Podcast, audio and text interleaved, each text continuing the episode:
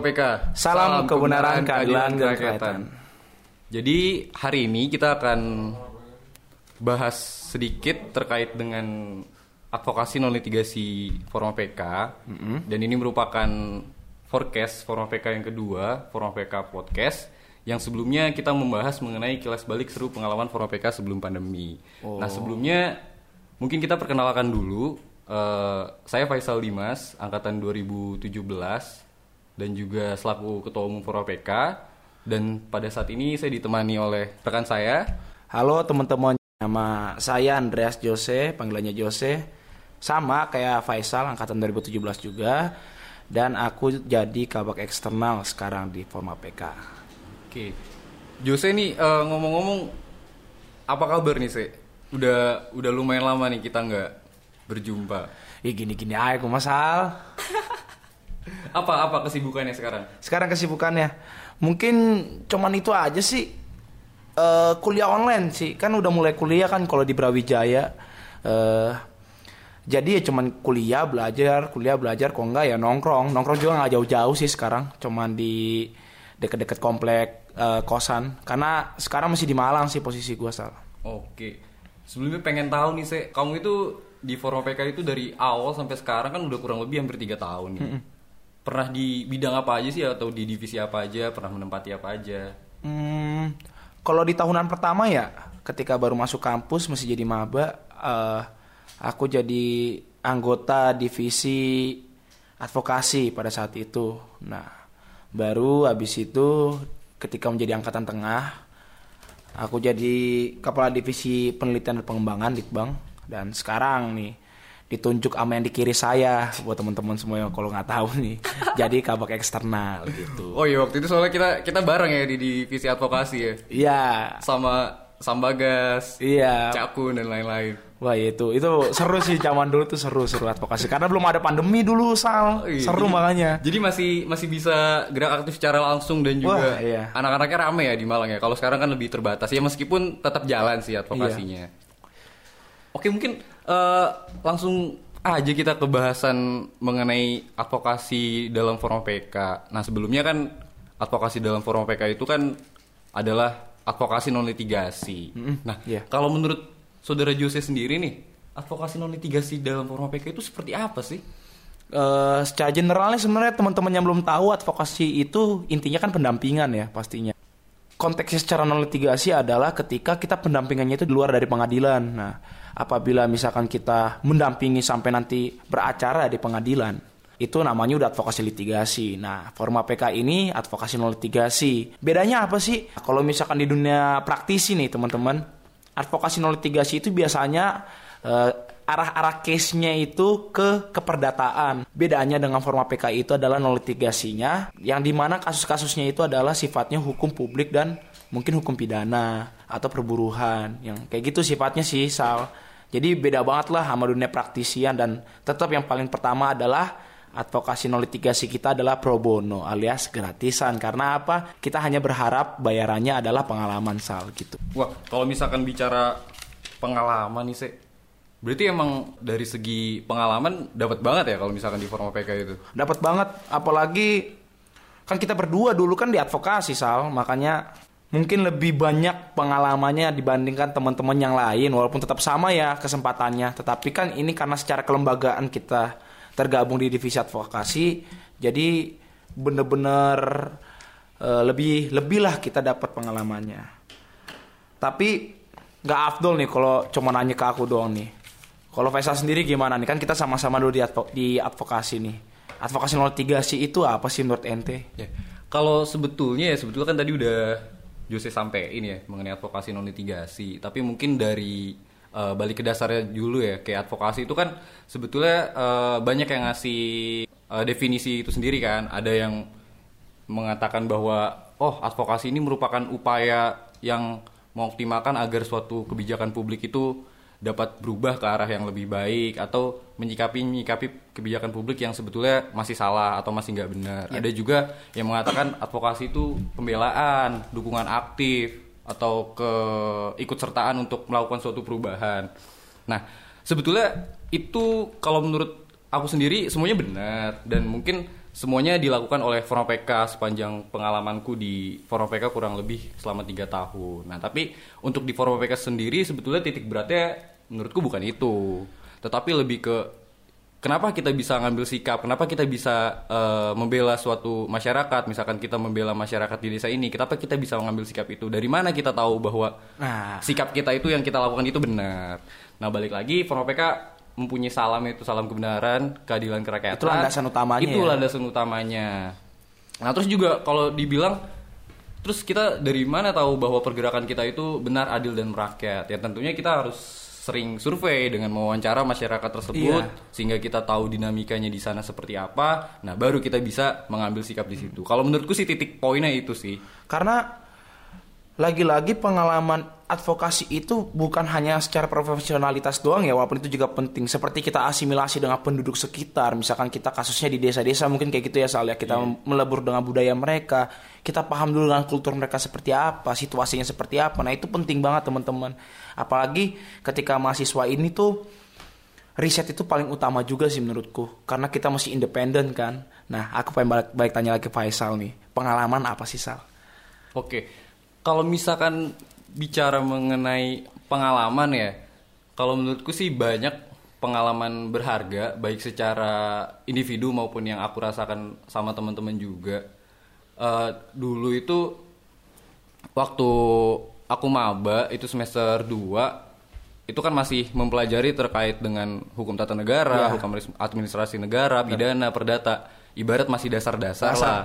Nah, tapi eh, suatu waktu itu memang kita dituntut untuk eh, mempelajari hal-hal yang memang seharusnya belum kita pelajari di kampus. benar Kayak misalkan waktu itu permasalahan mengenai limbah B3, limbah B3 di Raci Pasuruan, itu kan otomatis kita bahasnya terkait apa? Undang-undang lingkungan hidup kan? Iya. Undang-undang nomor 32 tahun 2009. Nah, kalau misalkan kita berpikir, oh waktu itu maba belum belum mempelajari tentang itu. Nah, tapi kalau di forum PK mau nggak mau dengan kita dibimbing, kita juga mempelajari tentang peraturan perundang-undangan tersebut. Nah, itu secara individunya mungkin. Nah, kalau secara eh, komunalnya, ya rasa kekeluarganya kerasa banget sih saya. Jadi kayak hampir setiap minggu kita ke Raci Pasuruan yang eh, waktu tempuhnya sekitar dua jam itu kita bareng-bareng dari siang sampai ke malam dan itu berasa banget kekeluargaannya gitu. Wah itu sama sih, aku juga itu pengalaman paling gila sih itu pas itu yang Raci Pasuruan yang kita pulang dikejar-kejar. itu kacau sih pas itu. Tapi itu teman-teman makanya sekali lagi advokasi 03 sih itu bukan apalagi di forma ya, bukan maksudnya artinya kita jadi lebih berpengalaman dengan mahasiswa lain enggak, tetapi ini merupakan wadah buat kita untuk belajar lagi untuk mau riset, mau asimilasi dengan masyarakat sekitar yang landasannya tadi udah Faisal jelaskan kebenaran, keadilan dan kerakyatan. Oke, gini sih. Kalau misalkan kita bicara suatu organisasi, kemudian ada program kerja, otomatis juga ada cara kerjanya atau sistem kerjanya itu seperti Iya. apa. Nah, kita kan sering dengar bahwa kita ini memiliki yang namanya segitiga advokasi di dalam Forum PK. Iya, Nah, benar. kalau dari Jose sendiri, segitiga advokasi itu seperti apa sih? Ya kalau menurutku ya itu udah ciri khasnya forma menurutku. Kenapa aku bisa bilang itu ciri khasnya forma? Karena pertama kasus itu akan diterima atau akan dihimpun oleh divisi Pengmas itu paling pertama teman-teman. Nanti dari Pengmas atau pengaduan masyarakat itu dioper nanti ke eh, divisi Litbang penelitian pengembangan. Nah Nanti biasanya litbang bisa dua sih, bisa diskusi secara internal litbang apabila memang kasusnya itu ya nggak terlalu berat-berat banget misalkan gitu. Seperti misalkan contohnya kasusnya hanya mekanisme aja, mekanisme contohnya nih ya, mekanisme pendaftaran perhutanan sosial atau program IPHPS dari pemerintah yaitu dari Litbang juga bisa untuk secara internal. Tetapi misalkan kasusnya kasus yang besar, biasanya kita diskusinya Litbang, Pengmas, dan advokasi gitu. Nah, baru nanti at the end-nya dari Litbang dioper ke advokasi untuk langsung bekerja advokasinya langsung ninjau ke lapangan dan lain-lain kayak gitu. Nah, tapi menurutku Sal segitiga advokasi itu kan memang eh, ciri khasnya forma, tetapi menurutku itu untuk gaya konvensionalnya Sal. Sekarang kan udah 4.0 kata orang-orang Sal. Berarti ada yang nambah-nambah lagi. Oke, eh, kalau misalkan bicara tentang nambah-nambah lagi, itu kan sifatnya eh, se- seiring dengan berjalannya waktu aja, Benar. sesuai dengan kebutuhannya. Karena memang kita nggak bisa terus menerus eh, apa ya terbuai oleh sistem yang ada. Kalau misalkan memang harus ada sesuatu yang baru dan itu tidak merusak suatu sistem yang lama, kenapa enggak? Dalam arti eh, memang perlu adanya divisi-divisi yang masuk di eh, untuk mengambil peran di dalam segitiga advokasi ini. Nah, kalau sering dengan berjalan waktu otomatis kalau peradilan kan ada. Ada. Karena memang kasus yang ditangani forum PK ketika itu sudah masuk ranah litigasi otomatis masuk ranah peradilan. Berarti kondisional juga berarti kan? Ya, sifatnya kondisional juga. Nah, kemudian juga ada divisi yang memang untuk eh, menyuarakan ke pihak luar nih, apa sih kegiatan kita, pendampingan kita tuh udah sampai mana, sejauh apa dan tentang apa. Itu masuk ke divisi yang punya acara dari forecast ini sendiri, yaitu Format, Format. Forum PK Media. Tepuk tangan dulu buat format. Tepuk tangan dulu buat Format. Nah, kenapa eh, Forum PK Media ini juga berperan besar di dalam advokasi non litigasi di Forum PK? Karena ibarat eh, media itu adalah jendela ya. media Jendela itu sekarang. jendela sehingga eh, dengan adanya format ini orang luar itu bisa tahu apa sih kegiatan kita sehingga mungkin juga dari pihak luar bisa memberikan dukungan atas apa yang kita lakukan. Jadi misalkan terkait dengan permasalahan 5B3 atau misalkan permasalahan tentang izin perman- pemanfaatan hutan perhutanan sosial di suatu desa. Nah, nanti otomatis ketika kita menyuarakan itu lewat media, siapa pun bisa mengakses, siapa pun bisa tahu dan setiap orang pastinya punya rasa aware untuk eh, turut andil dalam suatu permasalahan. Minimal dia sharing informasi yang udah kita berikan ke mereka di media sosial itu sih. Dan menurutku Sal bedanya kita itu adalah social media activation kita itu bukan untuk eksistensi organisasi kita tapi eksistensi dari kasus apa yang kita jalankan dan itu penting banget karena apa? Apalagi misalkan kasus ini adalah kasus publik teman-teman.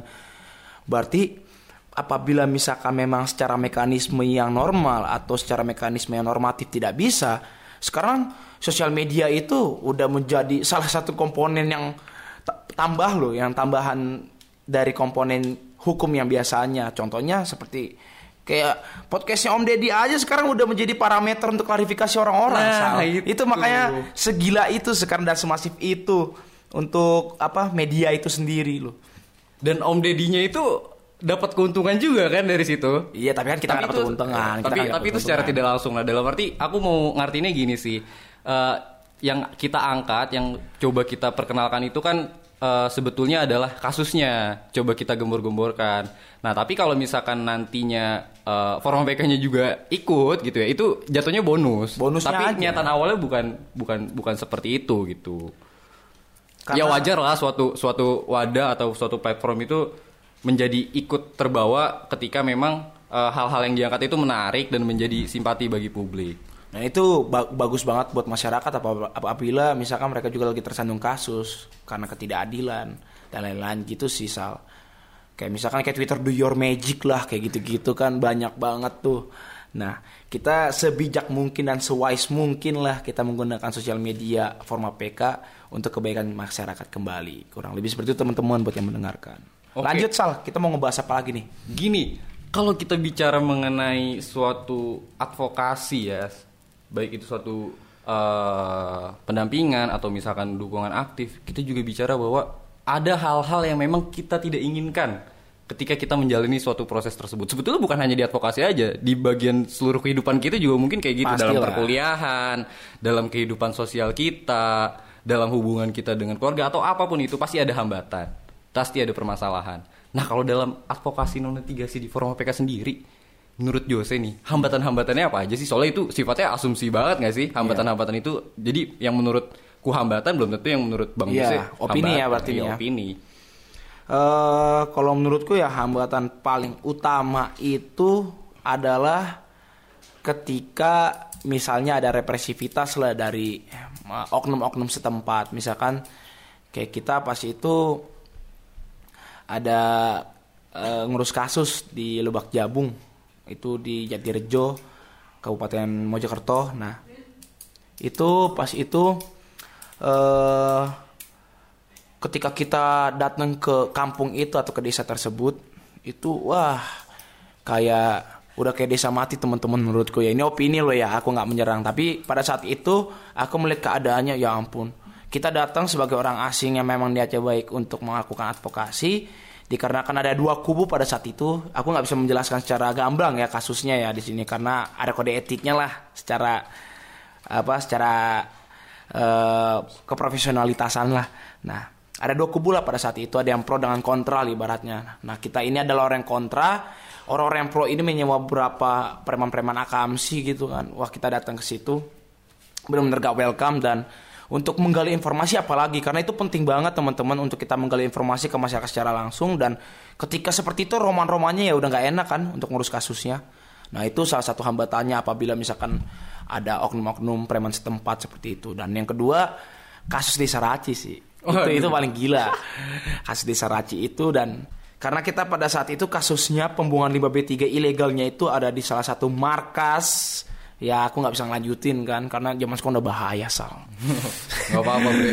Intinya kan kalau di sana kan ada markas dan yang terkenal itu kan markas Auri. Semua. waduh kok Ya meskipun kita dibuka. kita tidak tidak tidak mendapatkan apa-apa secara fisik tapi tekanan mental ada lah ya. mental ada gitu Dan yang anehnya juga kalau misalkan terkait dengan eh, kasus tersebut di blow up-nya itu nggak cepet loh. Dalam arti kita itu ikut melakukan pendampingan di sana tahun 2017. Nah kemudian kalau nggak salah di blow up itu mulai tahun 2018 atau 2019. Dan itu hanya dan itu hanya beberapa media ya. ya tempo aku nggak tahu gimana mereka caranya masuk untuk blow up tapi pada saat itu kita masuk kacau sih sal masih ingat banget aku itu Iya sambil sambil eh, kita main layangan di sana ya. Iya, layangan. Pura-pura main layangan, main Di burung. warung main burung pulangnya trek-trekan Dan waktu itu kan gue juga aku juga masuk ke tempatnya langsung kan.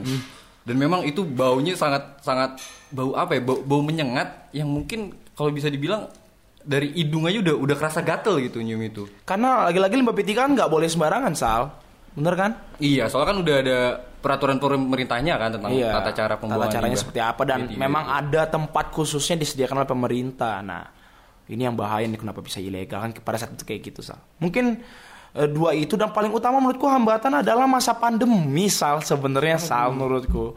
Masa pandemi ini gila sih. Kasus kita di awal-awal kepengurusan ente banyak banget loh. Dari KEK Singosari yang CSR salah satu konsorsium dan Lebak Jabung masih juga on progress juga dan beberapa kasus yang masuk ke kita juga kok pada saat itu. Sayangnya ada pandemi nih Sal. Nah, kalau misalkan bicara hambatan tadi kan udah Jose sampein, tapi aku secara pribadi sih ada juga sih hambatan Yang mana tuh? hambatan Kalau menurut lain. ente yang mana nih? Kalau aku sendiri ngebaginya eh, secara internal dan eksternal. Oke. Kalau misalkan secara internal sendiri itu kan otomatis eh, internal dari Forma PK ya. Hmm.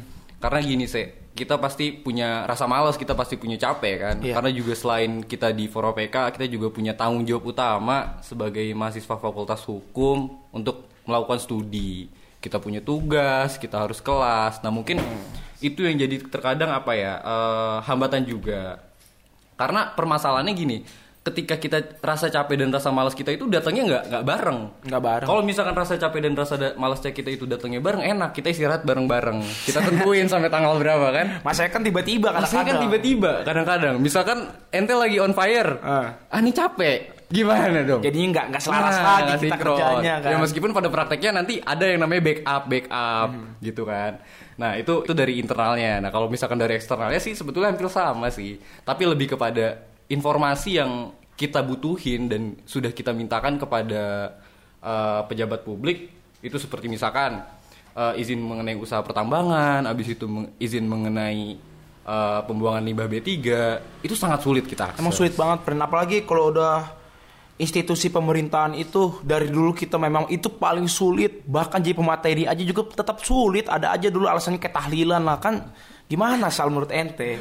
Padahal gini, kita udah udah udah punya landasan mengenai keterbukaan informasi ya. Tapi Iya. tetap aja mereka eh, apa ya mencoba untuk wah mungkin istilahnya menghalang-halangi atau seperti apa ya. Meskipun kita juga tidak tahu sebetulnya ada keterlibatan dari pejabat publik ini sendiri atau enggak. Tapi yang jelas sih kita merasa bahwa sulitnya mengakses mengenai informasi dari mereka itu salah satu hambatan kita untuk melakukan advokasi non litigasi. Pak, karena sejatinya kan asas akuntabilitas kan sendiri ada di asas-asas umum pemerintahan yang baik kan. Makanya itulah ini mungkin sekedar kritik untuk bapak-bapak bos yang ada di sana. Oke, kita mau bahas apa lagi nih Sal? Tadi kan hambatan. Mungkin sekarang aku yang nanya ke ente duluan nih. Oke.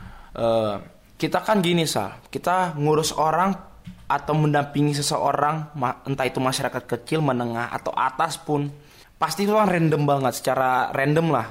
Kita nggak tahu latar belakangnya apa, dia siapa, dia dari mana, dengan kepentingan apa dia datang, apakah kepentingan publik atau kepentingan pribadi, kita kan nggak tahu nih Sal. Iya. Nah, gimana sih APK bisa membangun kepercayaan kepada orang tersebut karena kita nggak tahu sama sekali dari awal. Oke, mungkin awalnya gini ya. Eh, yang pertama, jangan pernah kita menjanjikan sesuatu hal.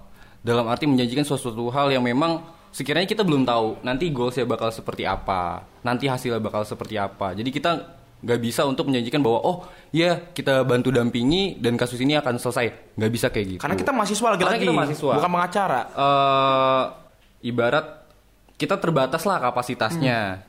Kita nggak bisa beracara seperti pengacara. Kemudian juga kita kita juga tentunya bukan si pembuat kebijakan yang bisa merubah kebijakan secara langsung gitu loh. Jadi kepercayaan itu dibangun atas dasar komunikasi yang intens. Iya benar. Jadi di situ kan kelihatan niat kita ketika kita memang komunikasi yang intens, entah itu bentuknya dalam bentuk wawancara atau mungkin kita dengan apa ya hidup secara secara langsung eh, dengan mereka gitu. Ya mungkin entah selama satu atau dua hari, kan ada juga yang namanya konsep live in kan, Iya, dan itu kan pernah diterapkan. Jadi kita benar-benar tahu dinamika di sana itu seperti apa. Nah ketika kita tahu dinamika di sana itu seperti apa, otomatis kita tahu nih fakta-faktanya apa. Sekalian juga kita mencari data-data eh, terkait dengan kasus yang sedang kita dampingi. Kalau menurutku sih seperti itu sih. Intinya jangan pernah untuk menjanjikan sesuatu hal kepada mereka karena pada ujungnya kita juga belum tahu akan seperti apa. Yang tadi seperti udah aku buat disclaimer di awal bahwa bahwa apa yang kita dapat di forma itu bayarannya adalah pengalaman. Jadi ngapain kita harus ngiming-ngimingin kasus Anda pasti akan selesai. Kasus Anda akan gini gini gini gini ya. Ngapain juga ya Sal ya kayak gitu juga. Iya, karena memang nggak bisa juga. Yang terpenting adalah kita benar-benar memang mau belajar untuk mendalami kasus tersebut. Benar. Ya kayak misalkan terkait dengan permasalahan lingkungan tadi, ya otomatis setelah kita bawa data-datanya dari RACI, ya kita mengkaji nanti dari terkait dengan undang-undang lingkungan, ter- kemudian juga uh, dari peraturan pemerintah yang memang uh, membahas mengenai tata cara pembuangan limbah B3. Contoh konkretnya sih Contoh. seperti itu. Dan nanti apa yang kita sudah dapatkan nanti kita balik lagi kita informasikan kepada masyarakat itu sendiri. Itu sih. Kalau aku agak beda sedikit sih sama Faisal teman-teman. Sama, aku setuju sama Faisal dan itu benar-benar komponen utama dan generalnya sih di dalam kepercayaan kita terhadap, terhadap orang. Tetapi kalau aku lebih menekankan, aku menganalisis dan meriset dulu si calon apa namanya yang akan kita dampingi itu seperti apa. Kayak contohnya pada saat itu eh, ketika ke- kasus yang bullying anak itu yang di Malang. Nah itu pada saat itu ada salah satu aku nggak bisa ngomong oknum ataupun nggak oknum nih ya tapi ada salah satu orang yang dari Komnas eh, Komnas Perlindungan Anak dari Kota Malang itu datang ke kita ingin mengandung kita dengan beberapa program-program karena ada kesamaan antara program yang sempat kami jelaskan mengenai penyuluhan hukum kecil yang di mana penyuluhan hukum kecil kami itu biasanya kami sebarkan ke sekolah-sekolah atau ke SD maupun SMP lah yang ada di Kota Malang maupun sekitarnya. Dan itu dia punya visi yang jelas dan lain-lain kayak gitu. Nah di situ karena pas lagi ada eh, pengmasnya memang kasus itu masuk sama pengmas kan karena janjinya sama pengmas. Tetapi ada aku juga di situ.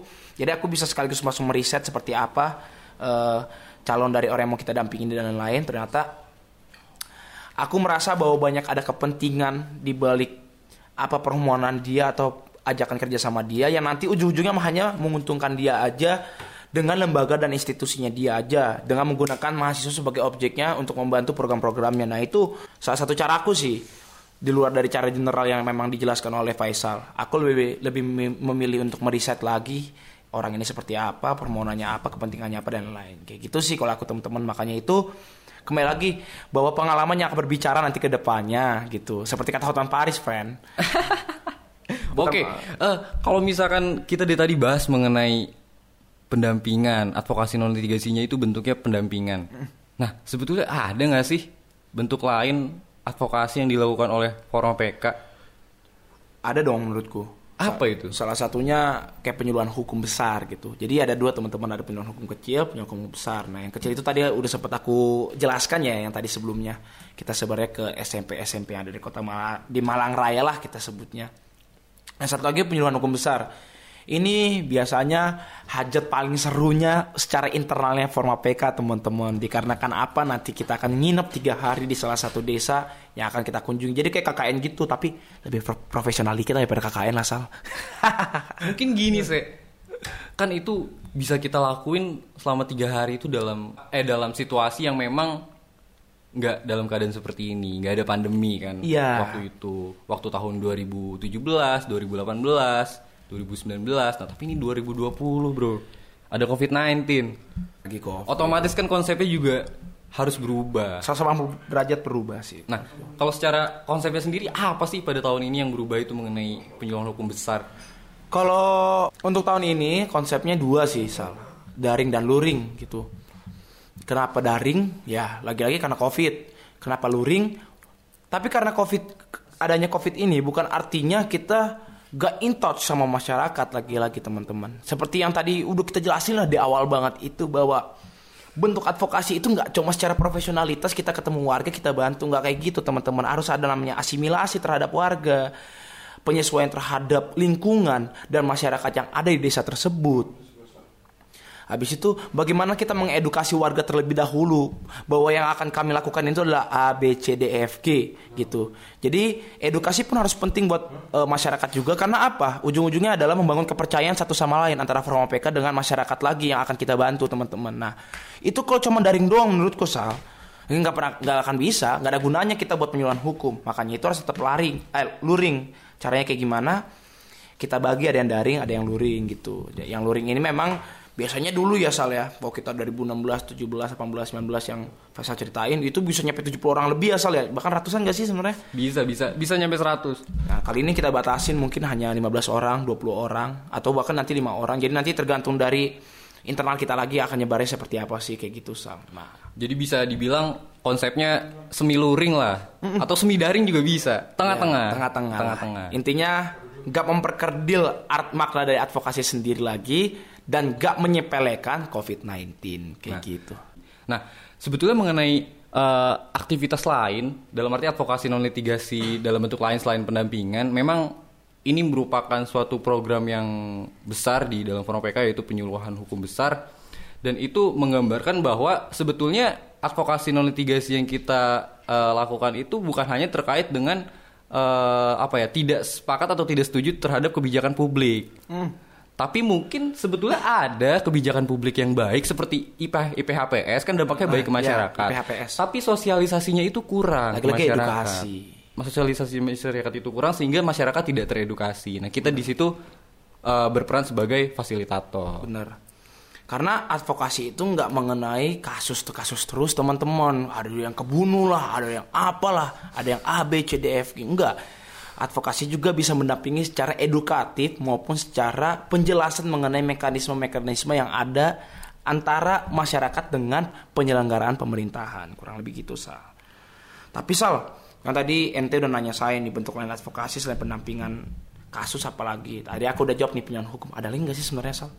Ya sebetulnya eh, kalau dibilang seperti itu ada, tetapi mungkin eh, bentuknya adalah ya balik lagi dukungan aktif tersebut. Karena gini, ketika kita melakukan suatu advokasi non litigasi, ketika memang eh, tidak bisa, jadi kan pilihannya itu banyak, misalkan pendampingan atau penyuluhan itu kan terkait dengan konteks permasalahannya itu apa, Kita harus lihat lagi, dan iya. situasi situasi permasalahannya itu apa.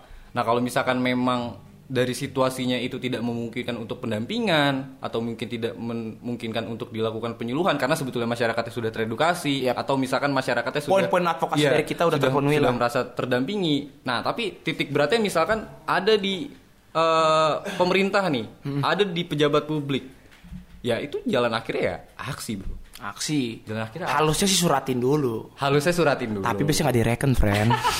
Biasa lah. Atau ke mana surat kita kan dilempar ke mana? Dilempar ke balik kambang kali ke pantai, gak tau juga. Tapi seenggaknya kan kalau misalkan kita sudah menyurati, kita kan sudah sesuai dengan mekanismenya. Iya. Kemudian juga kalau misalkan kita aksi juga, kita kan eh, resmi gitu dalam arti mengajukan ke Polres kalau misalkan itu di wilayah Polres eh, di wilayah Kota Malang kita mengajukan kepada Polres Kota Malang sehingga memang eh, hal-hal yang kita lakukan itu legal dan memang sesuai dengan mekanisme yang ada. Ya, lagi-lagi adalah bahasa kerennya nih ultimum remediumnya jalan, Jalan terakhir. terakhir. Nah, gitu. Lanjut nih asal aku yang nanya Faisal nih. Eh kira-kira Sal bisa digambarkan gak sih apa yang eh, udah anda dapat atau udah apa yang udah anda berikan tiga tahun ini di Forma gitu? Ini bukan masalah hitung-hitungannya, tapi Kenapa sampai segitunya terjun langsung terus di Forma, gak ganti-ganti. Bahkan cuma satu kan organisasi NT cuma satu kan Forma PK doang. Iya. Se- Udah sedalam apa sih sebenarnya NT di Forma bahkan yang baru jadi ketum nih. Waduh, kalau misalkan bicara mengenai apa yang sudah diberikan ya mungkin nggak bisa lah kalau misalkan Iya. eh, aku menjawab secara sendiri karena itu terlalu subjektif. ya. Tapi intinya ya mencoba untuk melakukan yang terbaik. Jadi kalau misalkan pada masa 2017 ya aku coba untuk melakukan apa yang memang diperintahkan oleh kepala divisiku. Waktu Iya. itu Bang Iksan Iya, Bang Iksan. angkatan 2016 dan juga dia ket- ketua umum. Nah kemudian ketika aku di divisi Pengmas ya aku mencoba untuk melakukan apa yang dikoordinasikan atau yang, di- yang Iya. diperintahkan oleh Mas Alam selaku Kab- Kabak Humas dan juga selaku ketumnya Mas Iksan. Ya mungkin eh, kurang lebihnya seperti itu. Nah namun kalau misalkan eh, kita bicara mengenai sekarang kan kita udah di angkatan paling tua nih Barat. Iya, paling yang tua. memang eh, selain untuk mengawasi kita juga bertanggung jawab untuk mengkonsep Foropeka dalam setahun itu mau seperti apa. Benar. Karena nggak bisa dipungkirin suatu eh, dalam suatu apa ya kepengurusan pasti ada yang namanya evaluasi, Iya. pasti ada yang namanya hal-hal yang harus dipertahankan. Yang baik kita pertahankan, yang masih kurang kita evaluasi dan kita benahi dan Iya. benahinya itu dalam bentuk konsep yang baru gitu. Nah, mungkin kalau misalkan eh, konsep yang baru dalam kepengurusan tahun ini kita lebih kepada eh, pendekatan kepada antar internal forum PK sehingga apa? Karena aku menganggap bahwa ketika internal di forum PK itu udah bagus, insya Allah untuk kegiatan eksternal itu bagus juga. Karena kita Iyalah, udah pasti. klop. Iya. Karena dari internalnya kita sendiri udah udah bagus. Nah, beda hal ketika internal itu masih terombang ambing sih. Iya. Kalau internal masih terombang ambing, ya gimana kita bisa berhubungan dengan orang luar? Karena kita masih sibuk di dalam internal. Kalau menurutku sih seperti itu. Nah, kemudian apa sih hal-hal yang udah aku dapat di dalam forma PK? Ya yang pertama ya eh, bahwa apa yang kita eh, lakukan atau semaksimal apa kita melakukan terhadap suatu tugas kita atau kewajiban kita, itulah hal yang kita tuai. Iya, apa yang kamu tabur itu yang kamu tuai. Nah, dalam arti ketika kita memang fokus di dalam eh, advokasi non litigasi ini, kita turut andil untuk melaku- melakukannya, kita juga akan mendapatkan hal-hal yang sebelumnya belum kita dapat gitu. Minimal ilmu lah, Minimal minimal ilmu, pengalaman, kemudian juga rasa kekeluargaan Iya. antara satu dengan yang lainnya. Nah, menurutku itu sih dan juga aku di sini belajar di forum PK bahwa eh, apa yang kita pelajari seharusnya di kampus itu belum apa ya, belum tentu sesuai dengan eh, praktek di lapangannya. Ba- banget, bener banget itu, bener banget. Dan terkadang bahkan di forum PK itu mempelajari sesuatu yang belum diajarkan di kampus. Wah, iya. Dalam arti ya, uh, aku kasih contohnya aja balik lagi ke yang tadi. Semester 2 mana ada mahasiswa yang belajar mengenai undang-undang tentang uh, lingkungan hidup, Undang-Undang Nomor 32 Tahun 2009. Kan kalau misalkan kita nggak menangani tentang uh, permasalahan di sana, kita juga nggak tahu kan terkait dengan undang-undang itu. Mungkin baru bisa dapetnya ketika kita ngambil hukum lingkungan. Iya. Nah juga menurutku eh, di Forum PK aku juga dapat yang namanya melatih rasa simpati, melatih rasa empati. Iya, itu penting banget sih. Karena waktu kita nangani kasus juga kita melihat bahwa gimana nih perasaan masyarakat, cara dia berbicara. Mungkin dia juga sampai pas cerita ke kita sampai meneteskan air mata. Ah, itu. Bahkan pas di Raci sih waktu itu ikut gak yang uh, Iya. kita ngelihat bahwa oh iya ada ada ente ya waktu itu Iya, ya. yang melepuh-melepuh nyampe- semua melepuh semua nyampe ke paha. Itu kan pasti kita tergerak lah rasa Hmm. simpati dan empati kita dan itu menjadi eh, apa ya penyemangat. Iya, jadi ibaratnya spirit kita lah untuk ada di masyarakat gitu. Dan menurutku aku hampir sama sih sama eh, kayak Faisal bahwa pengalaman yang paling mahal di Forma PK itu adalah Kalau aku baginya secara umum itu ada dua, ada pengalaman di tengah masyarakat dan pengalaman pribadiku secara internal. Apa sih perbedaannya dari kedua ini? Ya di tengah masyarakat itu yang tadi itu pengalaman di tengah masyarakat yang seperti dijelaskan oleh Faisal bahwa kita benar-benar dilatih secara simpati maupun empati, belajar bagaimana mengasimilasikan diri terhadap lingkungan yang baru. Seperti kayak contohnya kita live in nih di Bromo, eh aku nggak pernah mikir selalu dari dulu di SMA kalau aku bisa eh, pakai sarung kayak orang Tengger di sana tiga hari. Oh iya, waktu itu itu juga apa makan babi bareng di sana ya? Iya, sama mereka. Jadi kita tahu. Jadi benar-benar pengalaman di tengah masyarakat itu benar-benar kerasa banget gitu. Apalagi contohnya kayak pas aksi kita di rumah sakit X lah. Iya. Rumah sakit Bapak hampir sebut R- Bapak. Hati-hati Bapak. RH. RH, RH. Itu pada saat itu aku di- diminta orasi dan aku orasi hanya bentar doang teman-teman dikarenakan apa aku benar-benar nggak kuat melihat itu kan kasusnya kan karena ada beberapa buruh yang dirumahkan kan. Katanya udah ganti developer rumah sakit. Nah ini nggak jelas nasib buruhnya. Kita akhirnya demo bareng-bareng di rumah sakit tapi kita nunggu-nunggu dulu nih. Wah rumah sakitnya kosong nih. Udah demoin langsung. Nah kayak gitu. Kalau misalkan rame rumah sakitnya kan kita melawan hukum friend. Gitu. Tetap harus ngerti juga kita di mana celah-celahnya. Nah itu pas itu sal. Karena kan mayoritas kan perawat ya Sal ya. Perawat kan Iya. perempuan ya. Bawa anak-anaknya friend. Itu ngeri banget bawa anak-anak itu nyampe Dia pakai payung megang propaganda Itu gendong anaknya dia sambil nangis. Wah kacau sih gue bilang itu Itu bener-bener kayak nyayat hati banget. Bukan maksudnya bawang-bawangan ya. Bukan maksudnya jadi jadi lenje-lenjean kita Karena melihatnya kayak wah sedih banget ya Tapi kayak wah ini harus kita bantu sih. Gak mau tahu ini. Walaupun memang kita terbatas sebagai mahasiswa Tapi mau gak mau ini harus kita bantu. Dan itu makanya tadi disebut sama Faisal Itu menjadi tambahan penyemangat buat kita ke depannya. Dan yang satu lagi adalah pengalaman pribadi. Itu yang tadi contohnya ya eh Misalnya yang tadi tuh, maaf tadi tuh berarti tuh pengalaman pribadi juga tuh, berarti masuknya tuh yang tadi aku nginep di Bromo tiga hari. Terus misalnya kita mau punya hukum nih Sal, kita mau survei. Wah itu survei, ingat gak kita dulu ya pe buat nyari ke desa Ngadiwono dulu kita nginep di Sedaeng lah di sana. Tahu sendiri kan Bromo kan di gunung ya friend ya. Aku nggak aku nggak bawa selimut karena nggak tahu mau nginep. Kita semua gak ada yang bawa selimut, friend. Itu kacau itu Bahkan baju salin pun enggak. Kacau. Udah udah dari Pasuruan kita ke Probolinggo nyebrang lewat Bromo kan. Nyampe situ ada apa eh, erupsi ya Bromo ya. Kita semua mukanya berdebu semua kacau pas itu. Dan Bener-bener. besoknya kita itu UTS loh. Wah itu kacau sih ya. Itu itu tidurku nyampe ada kali 18 cuman tidurku pulang kacau itu soal bener-bener. Jadi kalau misalkan dibilang, oh kita eh, misalkan ke suatu desa pulangnya malam atau tengah malam itu udah biasa. Bahkan nginep pulangnya nyampe tengah malam Biasa. itu udah biasa. Biasa. Tapi balik lagi sih, tergantung ke eh, apa ya, masing-masing individunya mau berperan seperti apa.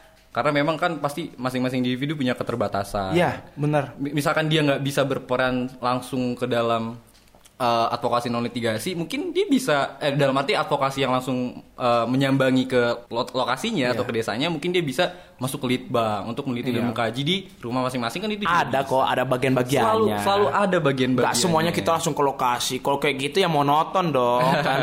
Dan ya itu teman-teman seru banget di forum APK itu menurutku dan eh menurutku ya aku nggak tahu ya ini insecure atau enggak jatuhnya. Aku belum memberikan yang banyak kan menurutku di forum APK dikarenakan kalau kita dengan sharing-sharing alumni mah baik lebih gila. Kayak Mas Boy Iya. udah Maya. Ya itu dia lah teman-teman. Beberapa insight-nya lah di forum APK dari generasi ke generasi. Ya, ini generasi kita 2017 ini yang kita paling seru.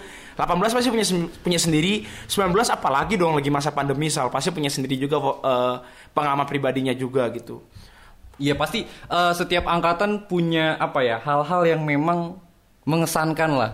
Setiap setiap angkatan itu pasti punya Iya. hal-hal yang mengesankan dan eh, feel-nya juga berbeda-beda, kemudian juga kondisinya berbeda-beda dan otomatis cara menyikapinya juga berbeda-beda. Nah, tapi balik lagi ada sedikit hal yang aku inget nih waktu kita eh, aksi di rumah sakit RH. oke gimana Itu kan waktu itu ketua umumnya kan Bang Iqbal, sekjennya Mas Hasbi, angkatan 2015. Nah itu sebetulnya kalau dibilang persiapannya pun juga kita apa ya bisa meningkatkan simpati dan empati kita. Karena dalam persiapan kita ya kita kan buat tulisan-tulisan untuk aksinya itu kan di, Iya. di di di karton kemudian juga kita menyiapkan apa sih hal-hal yang memang bakal kita bahas. Nah itu kan juga sekalian dia curhat dalam arti.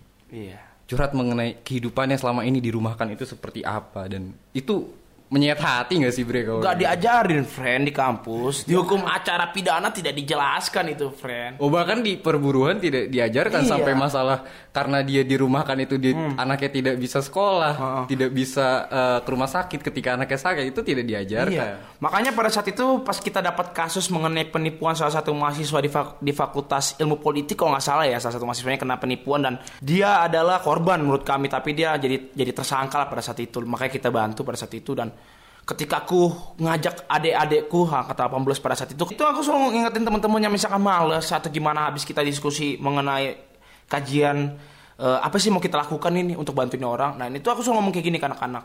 Kemarin pasti beberapa dari kalian ada yang ikut ketika orang tuanya datang dari pokoknya luar orang tuanya orang luar Malang lah dia juga masih perantauan kan. Ketika anaknya kena kasus hukum itu orang tuanya datang ibunya.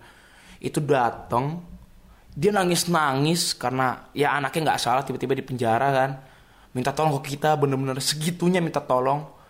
Dan aku bilang ke adik-adikku pada saat itu di hukum acara pidana ketika seseorang eh, ditetapkan sebagai seorang tersangka se- secara formilnya kita nggak pernah diajarkan di kampus bahwa nanti tiba-tiba akan ada orang tuanya datang. Iya. nangis-nangis. Kita nggak diajarin itu di kampus. Dan ini kita bisa melihat sendiri secara langsung ini pengalaman penting buat kita momentum penting buat kita dan makanya itu manfaatkanlah pengalaman-pengalaman ini menjadi nilai-nilai positif dan nilai-nilai kebenaran keadilan dan kerakyatan gitu Ya karena memang eh, salam forma PK itu sendiri kebenaran keadilan kerakyatan memang harus disikapi eh, secara positif dan diimplementasikan dalam setiap kegiatan yang dilaksanakan oleh forma PK. Ya meskipun mungkin kalau mau diperdebatkan mengenai salam kebenaran keadilan kerakyatan juga nggak ada usahanya ya karena benar belum tentu adil, adil belum tentu merakyat, sebaliknya juga benar belum tentu merakyat karena itu nggak akan ada usahanya. Yang penting ya kita eh, sama-sama bareng-bareng menyatukan suatu pemikiran sehingga ketika ada suatu permasalahan kita bisa mengambil satu sikap yang memang kita sepakati bersama. Tapi yang paling penting menurutku Sal, ini memang founding father kita emang keren-keren banget memang. Waduh. Menurutku kebenaran keadaan dan kerakyatan itu sampai 2050, 2070 akan selalu relevan menurutku. Karena yang tadi aku bilang tadi itu, Sal, ya, ya maaf, maaf, yang kamu bilang tadi itu bahwa yang adil belum tentu merata, yang adil itu harus sesuai dengan porsinya lah, masih dengan perdebatan-perdebatan, akhirnya apa itu menjadi anomali dan sampai ke depannya itu akan selalu ada terus menurutku Sal. Dan itu respect buat founding father dari Forma PK sendiri sih gitu. Oke, kita bicara mengenai eh, forma PK, otomatis kita juga bicara mengenai setiap eh, generasi yang mengisi di dalam forma PK. Yes. Nah, sekarang ada yang namanya mahasiswa baru angkatan 2020. Halo adik-adik maba. Ya mungkin di sini teman-teman angkatan 2020 selamat datang mahasiswa baru Fakultas Selamat Hukum datang. Universitas Brawijaya. Eh, selamat menempuh pendidikan di Fakultas Hukum dan selamat berproses juga. Nikmati. Iya. Dan mungkin ini sih eh, bagi adik-adik eh, angkatan 2020 eh, setiap organisasi itu itu kan merupakan suatu wadah ya Wadah. dan wadah itu otomatis uh, bisa berjalan dengan baik atau bisa membantu potensi yang adik-adik miliki itu tergantung kepada apakah wadah itu sesuai atau tidak sesuai dengan adik-adik.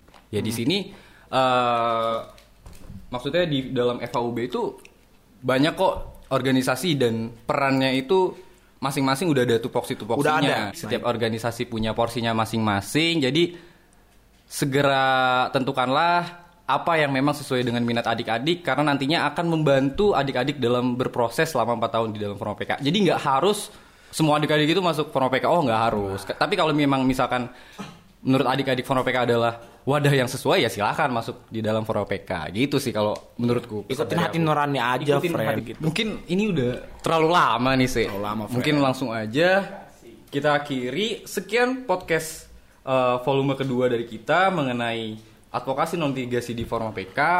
Nantikan selanjutnya bahasan dari Forma PK podcast selanjutnya. Tapi tunggu, ini kan teman-teman kan tadi udah banyak denger nih Sal nih. Siapa tahu nanti pada pada senang-senang, misalkan ada maba nih, pada senang denger, wah kayaknya aku pengen masuk Forma PK deh, denger eh, penjelasan dan pengalaman dari Jose dan Faisal.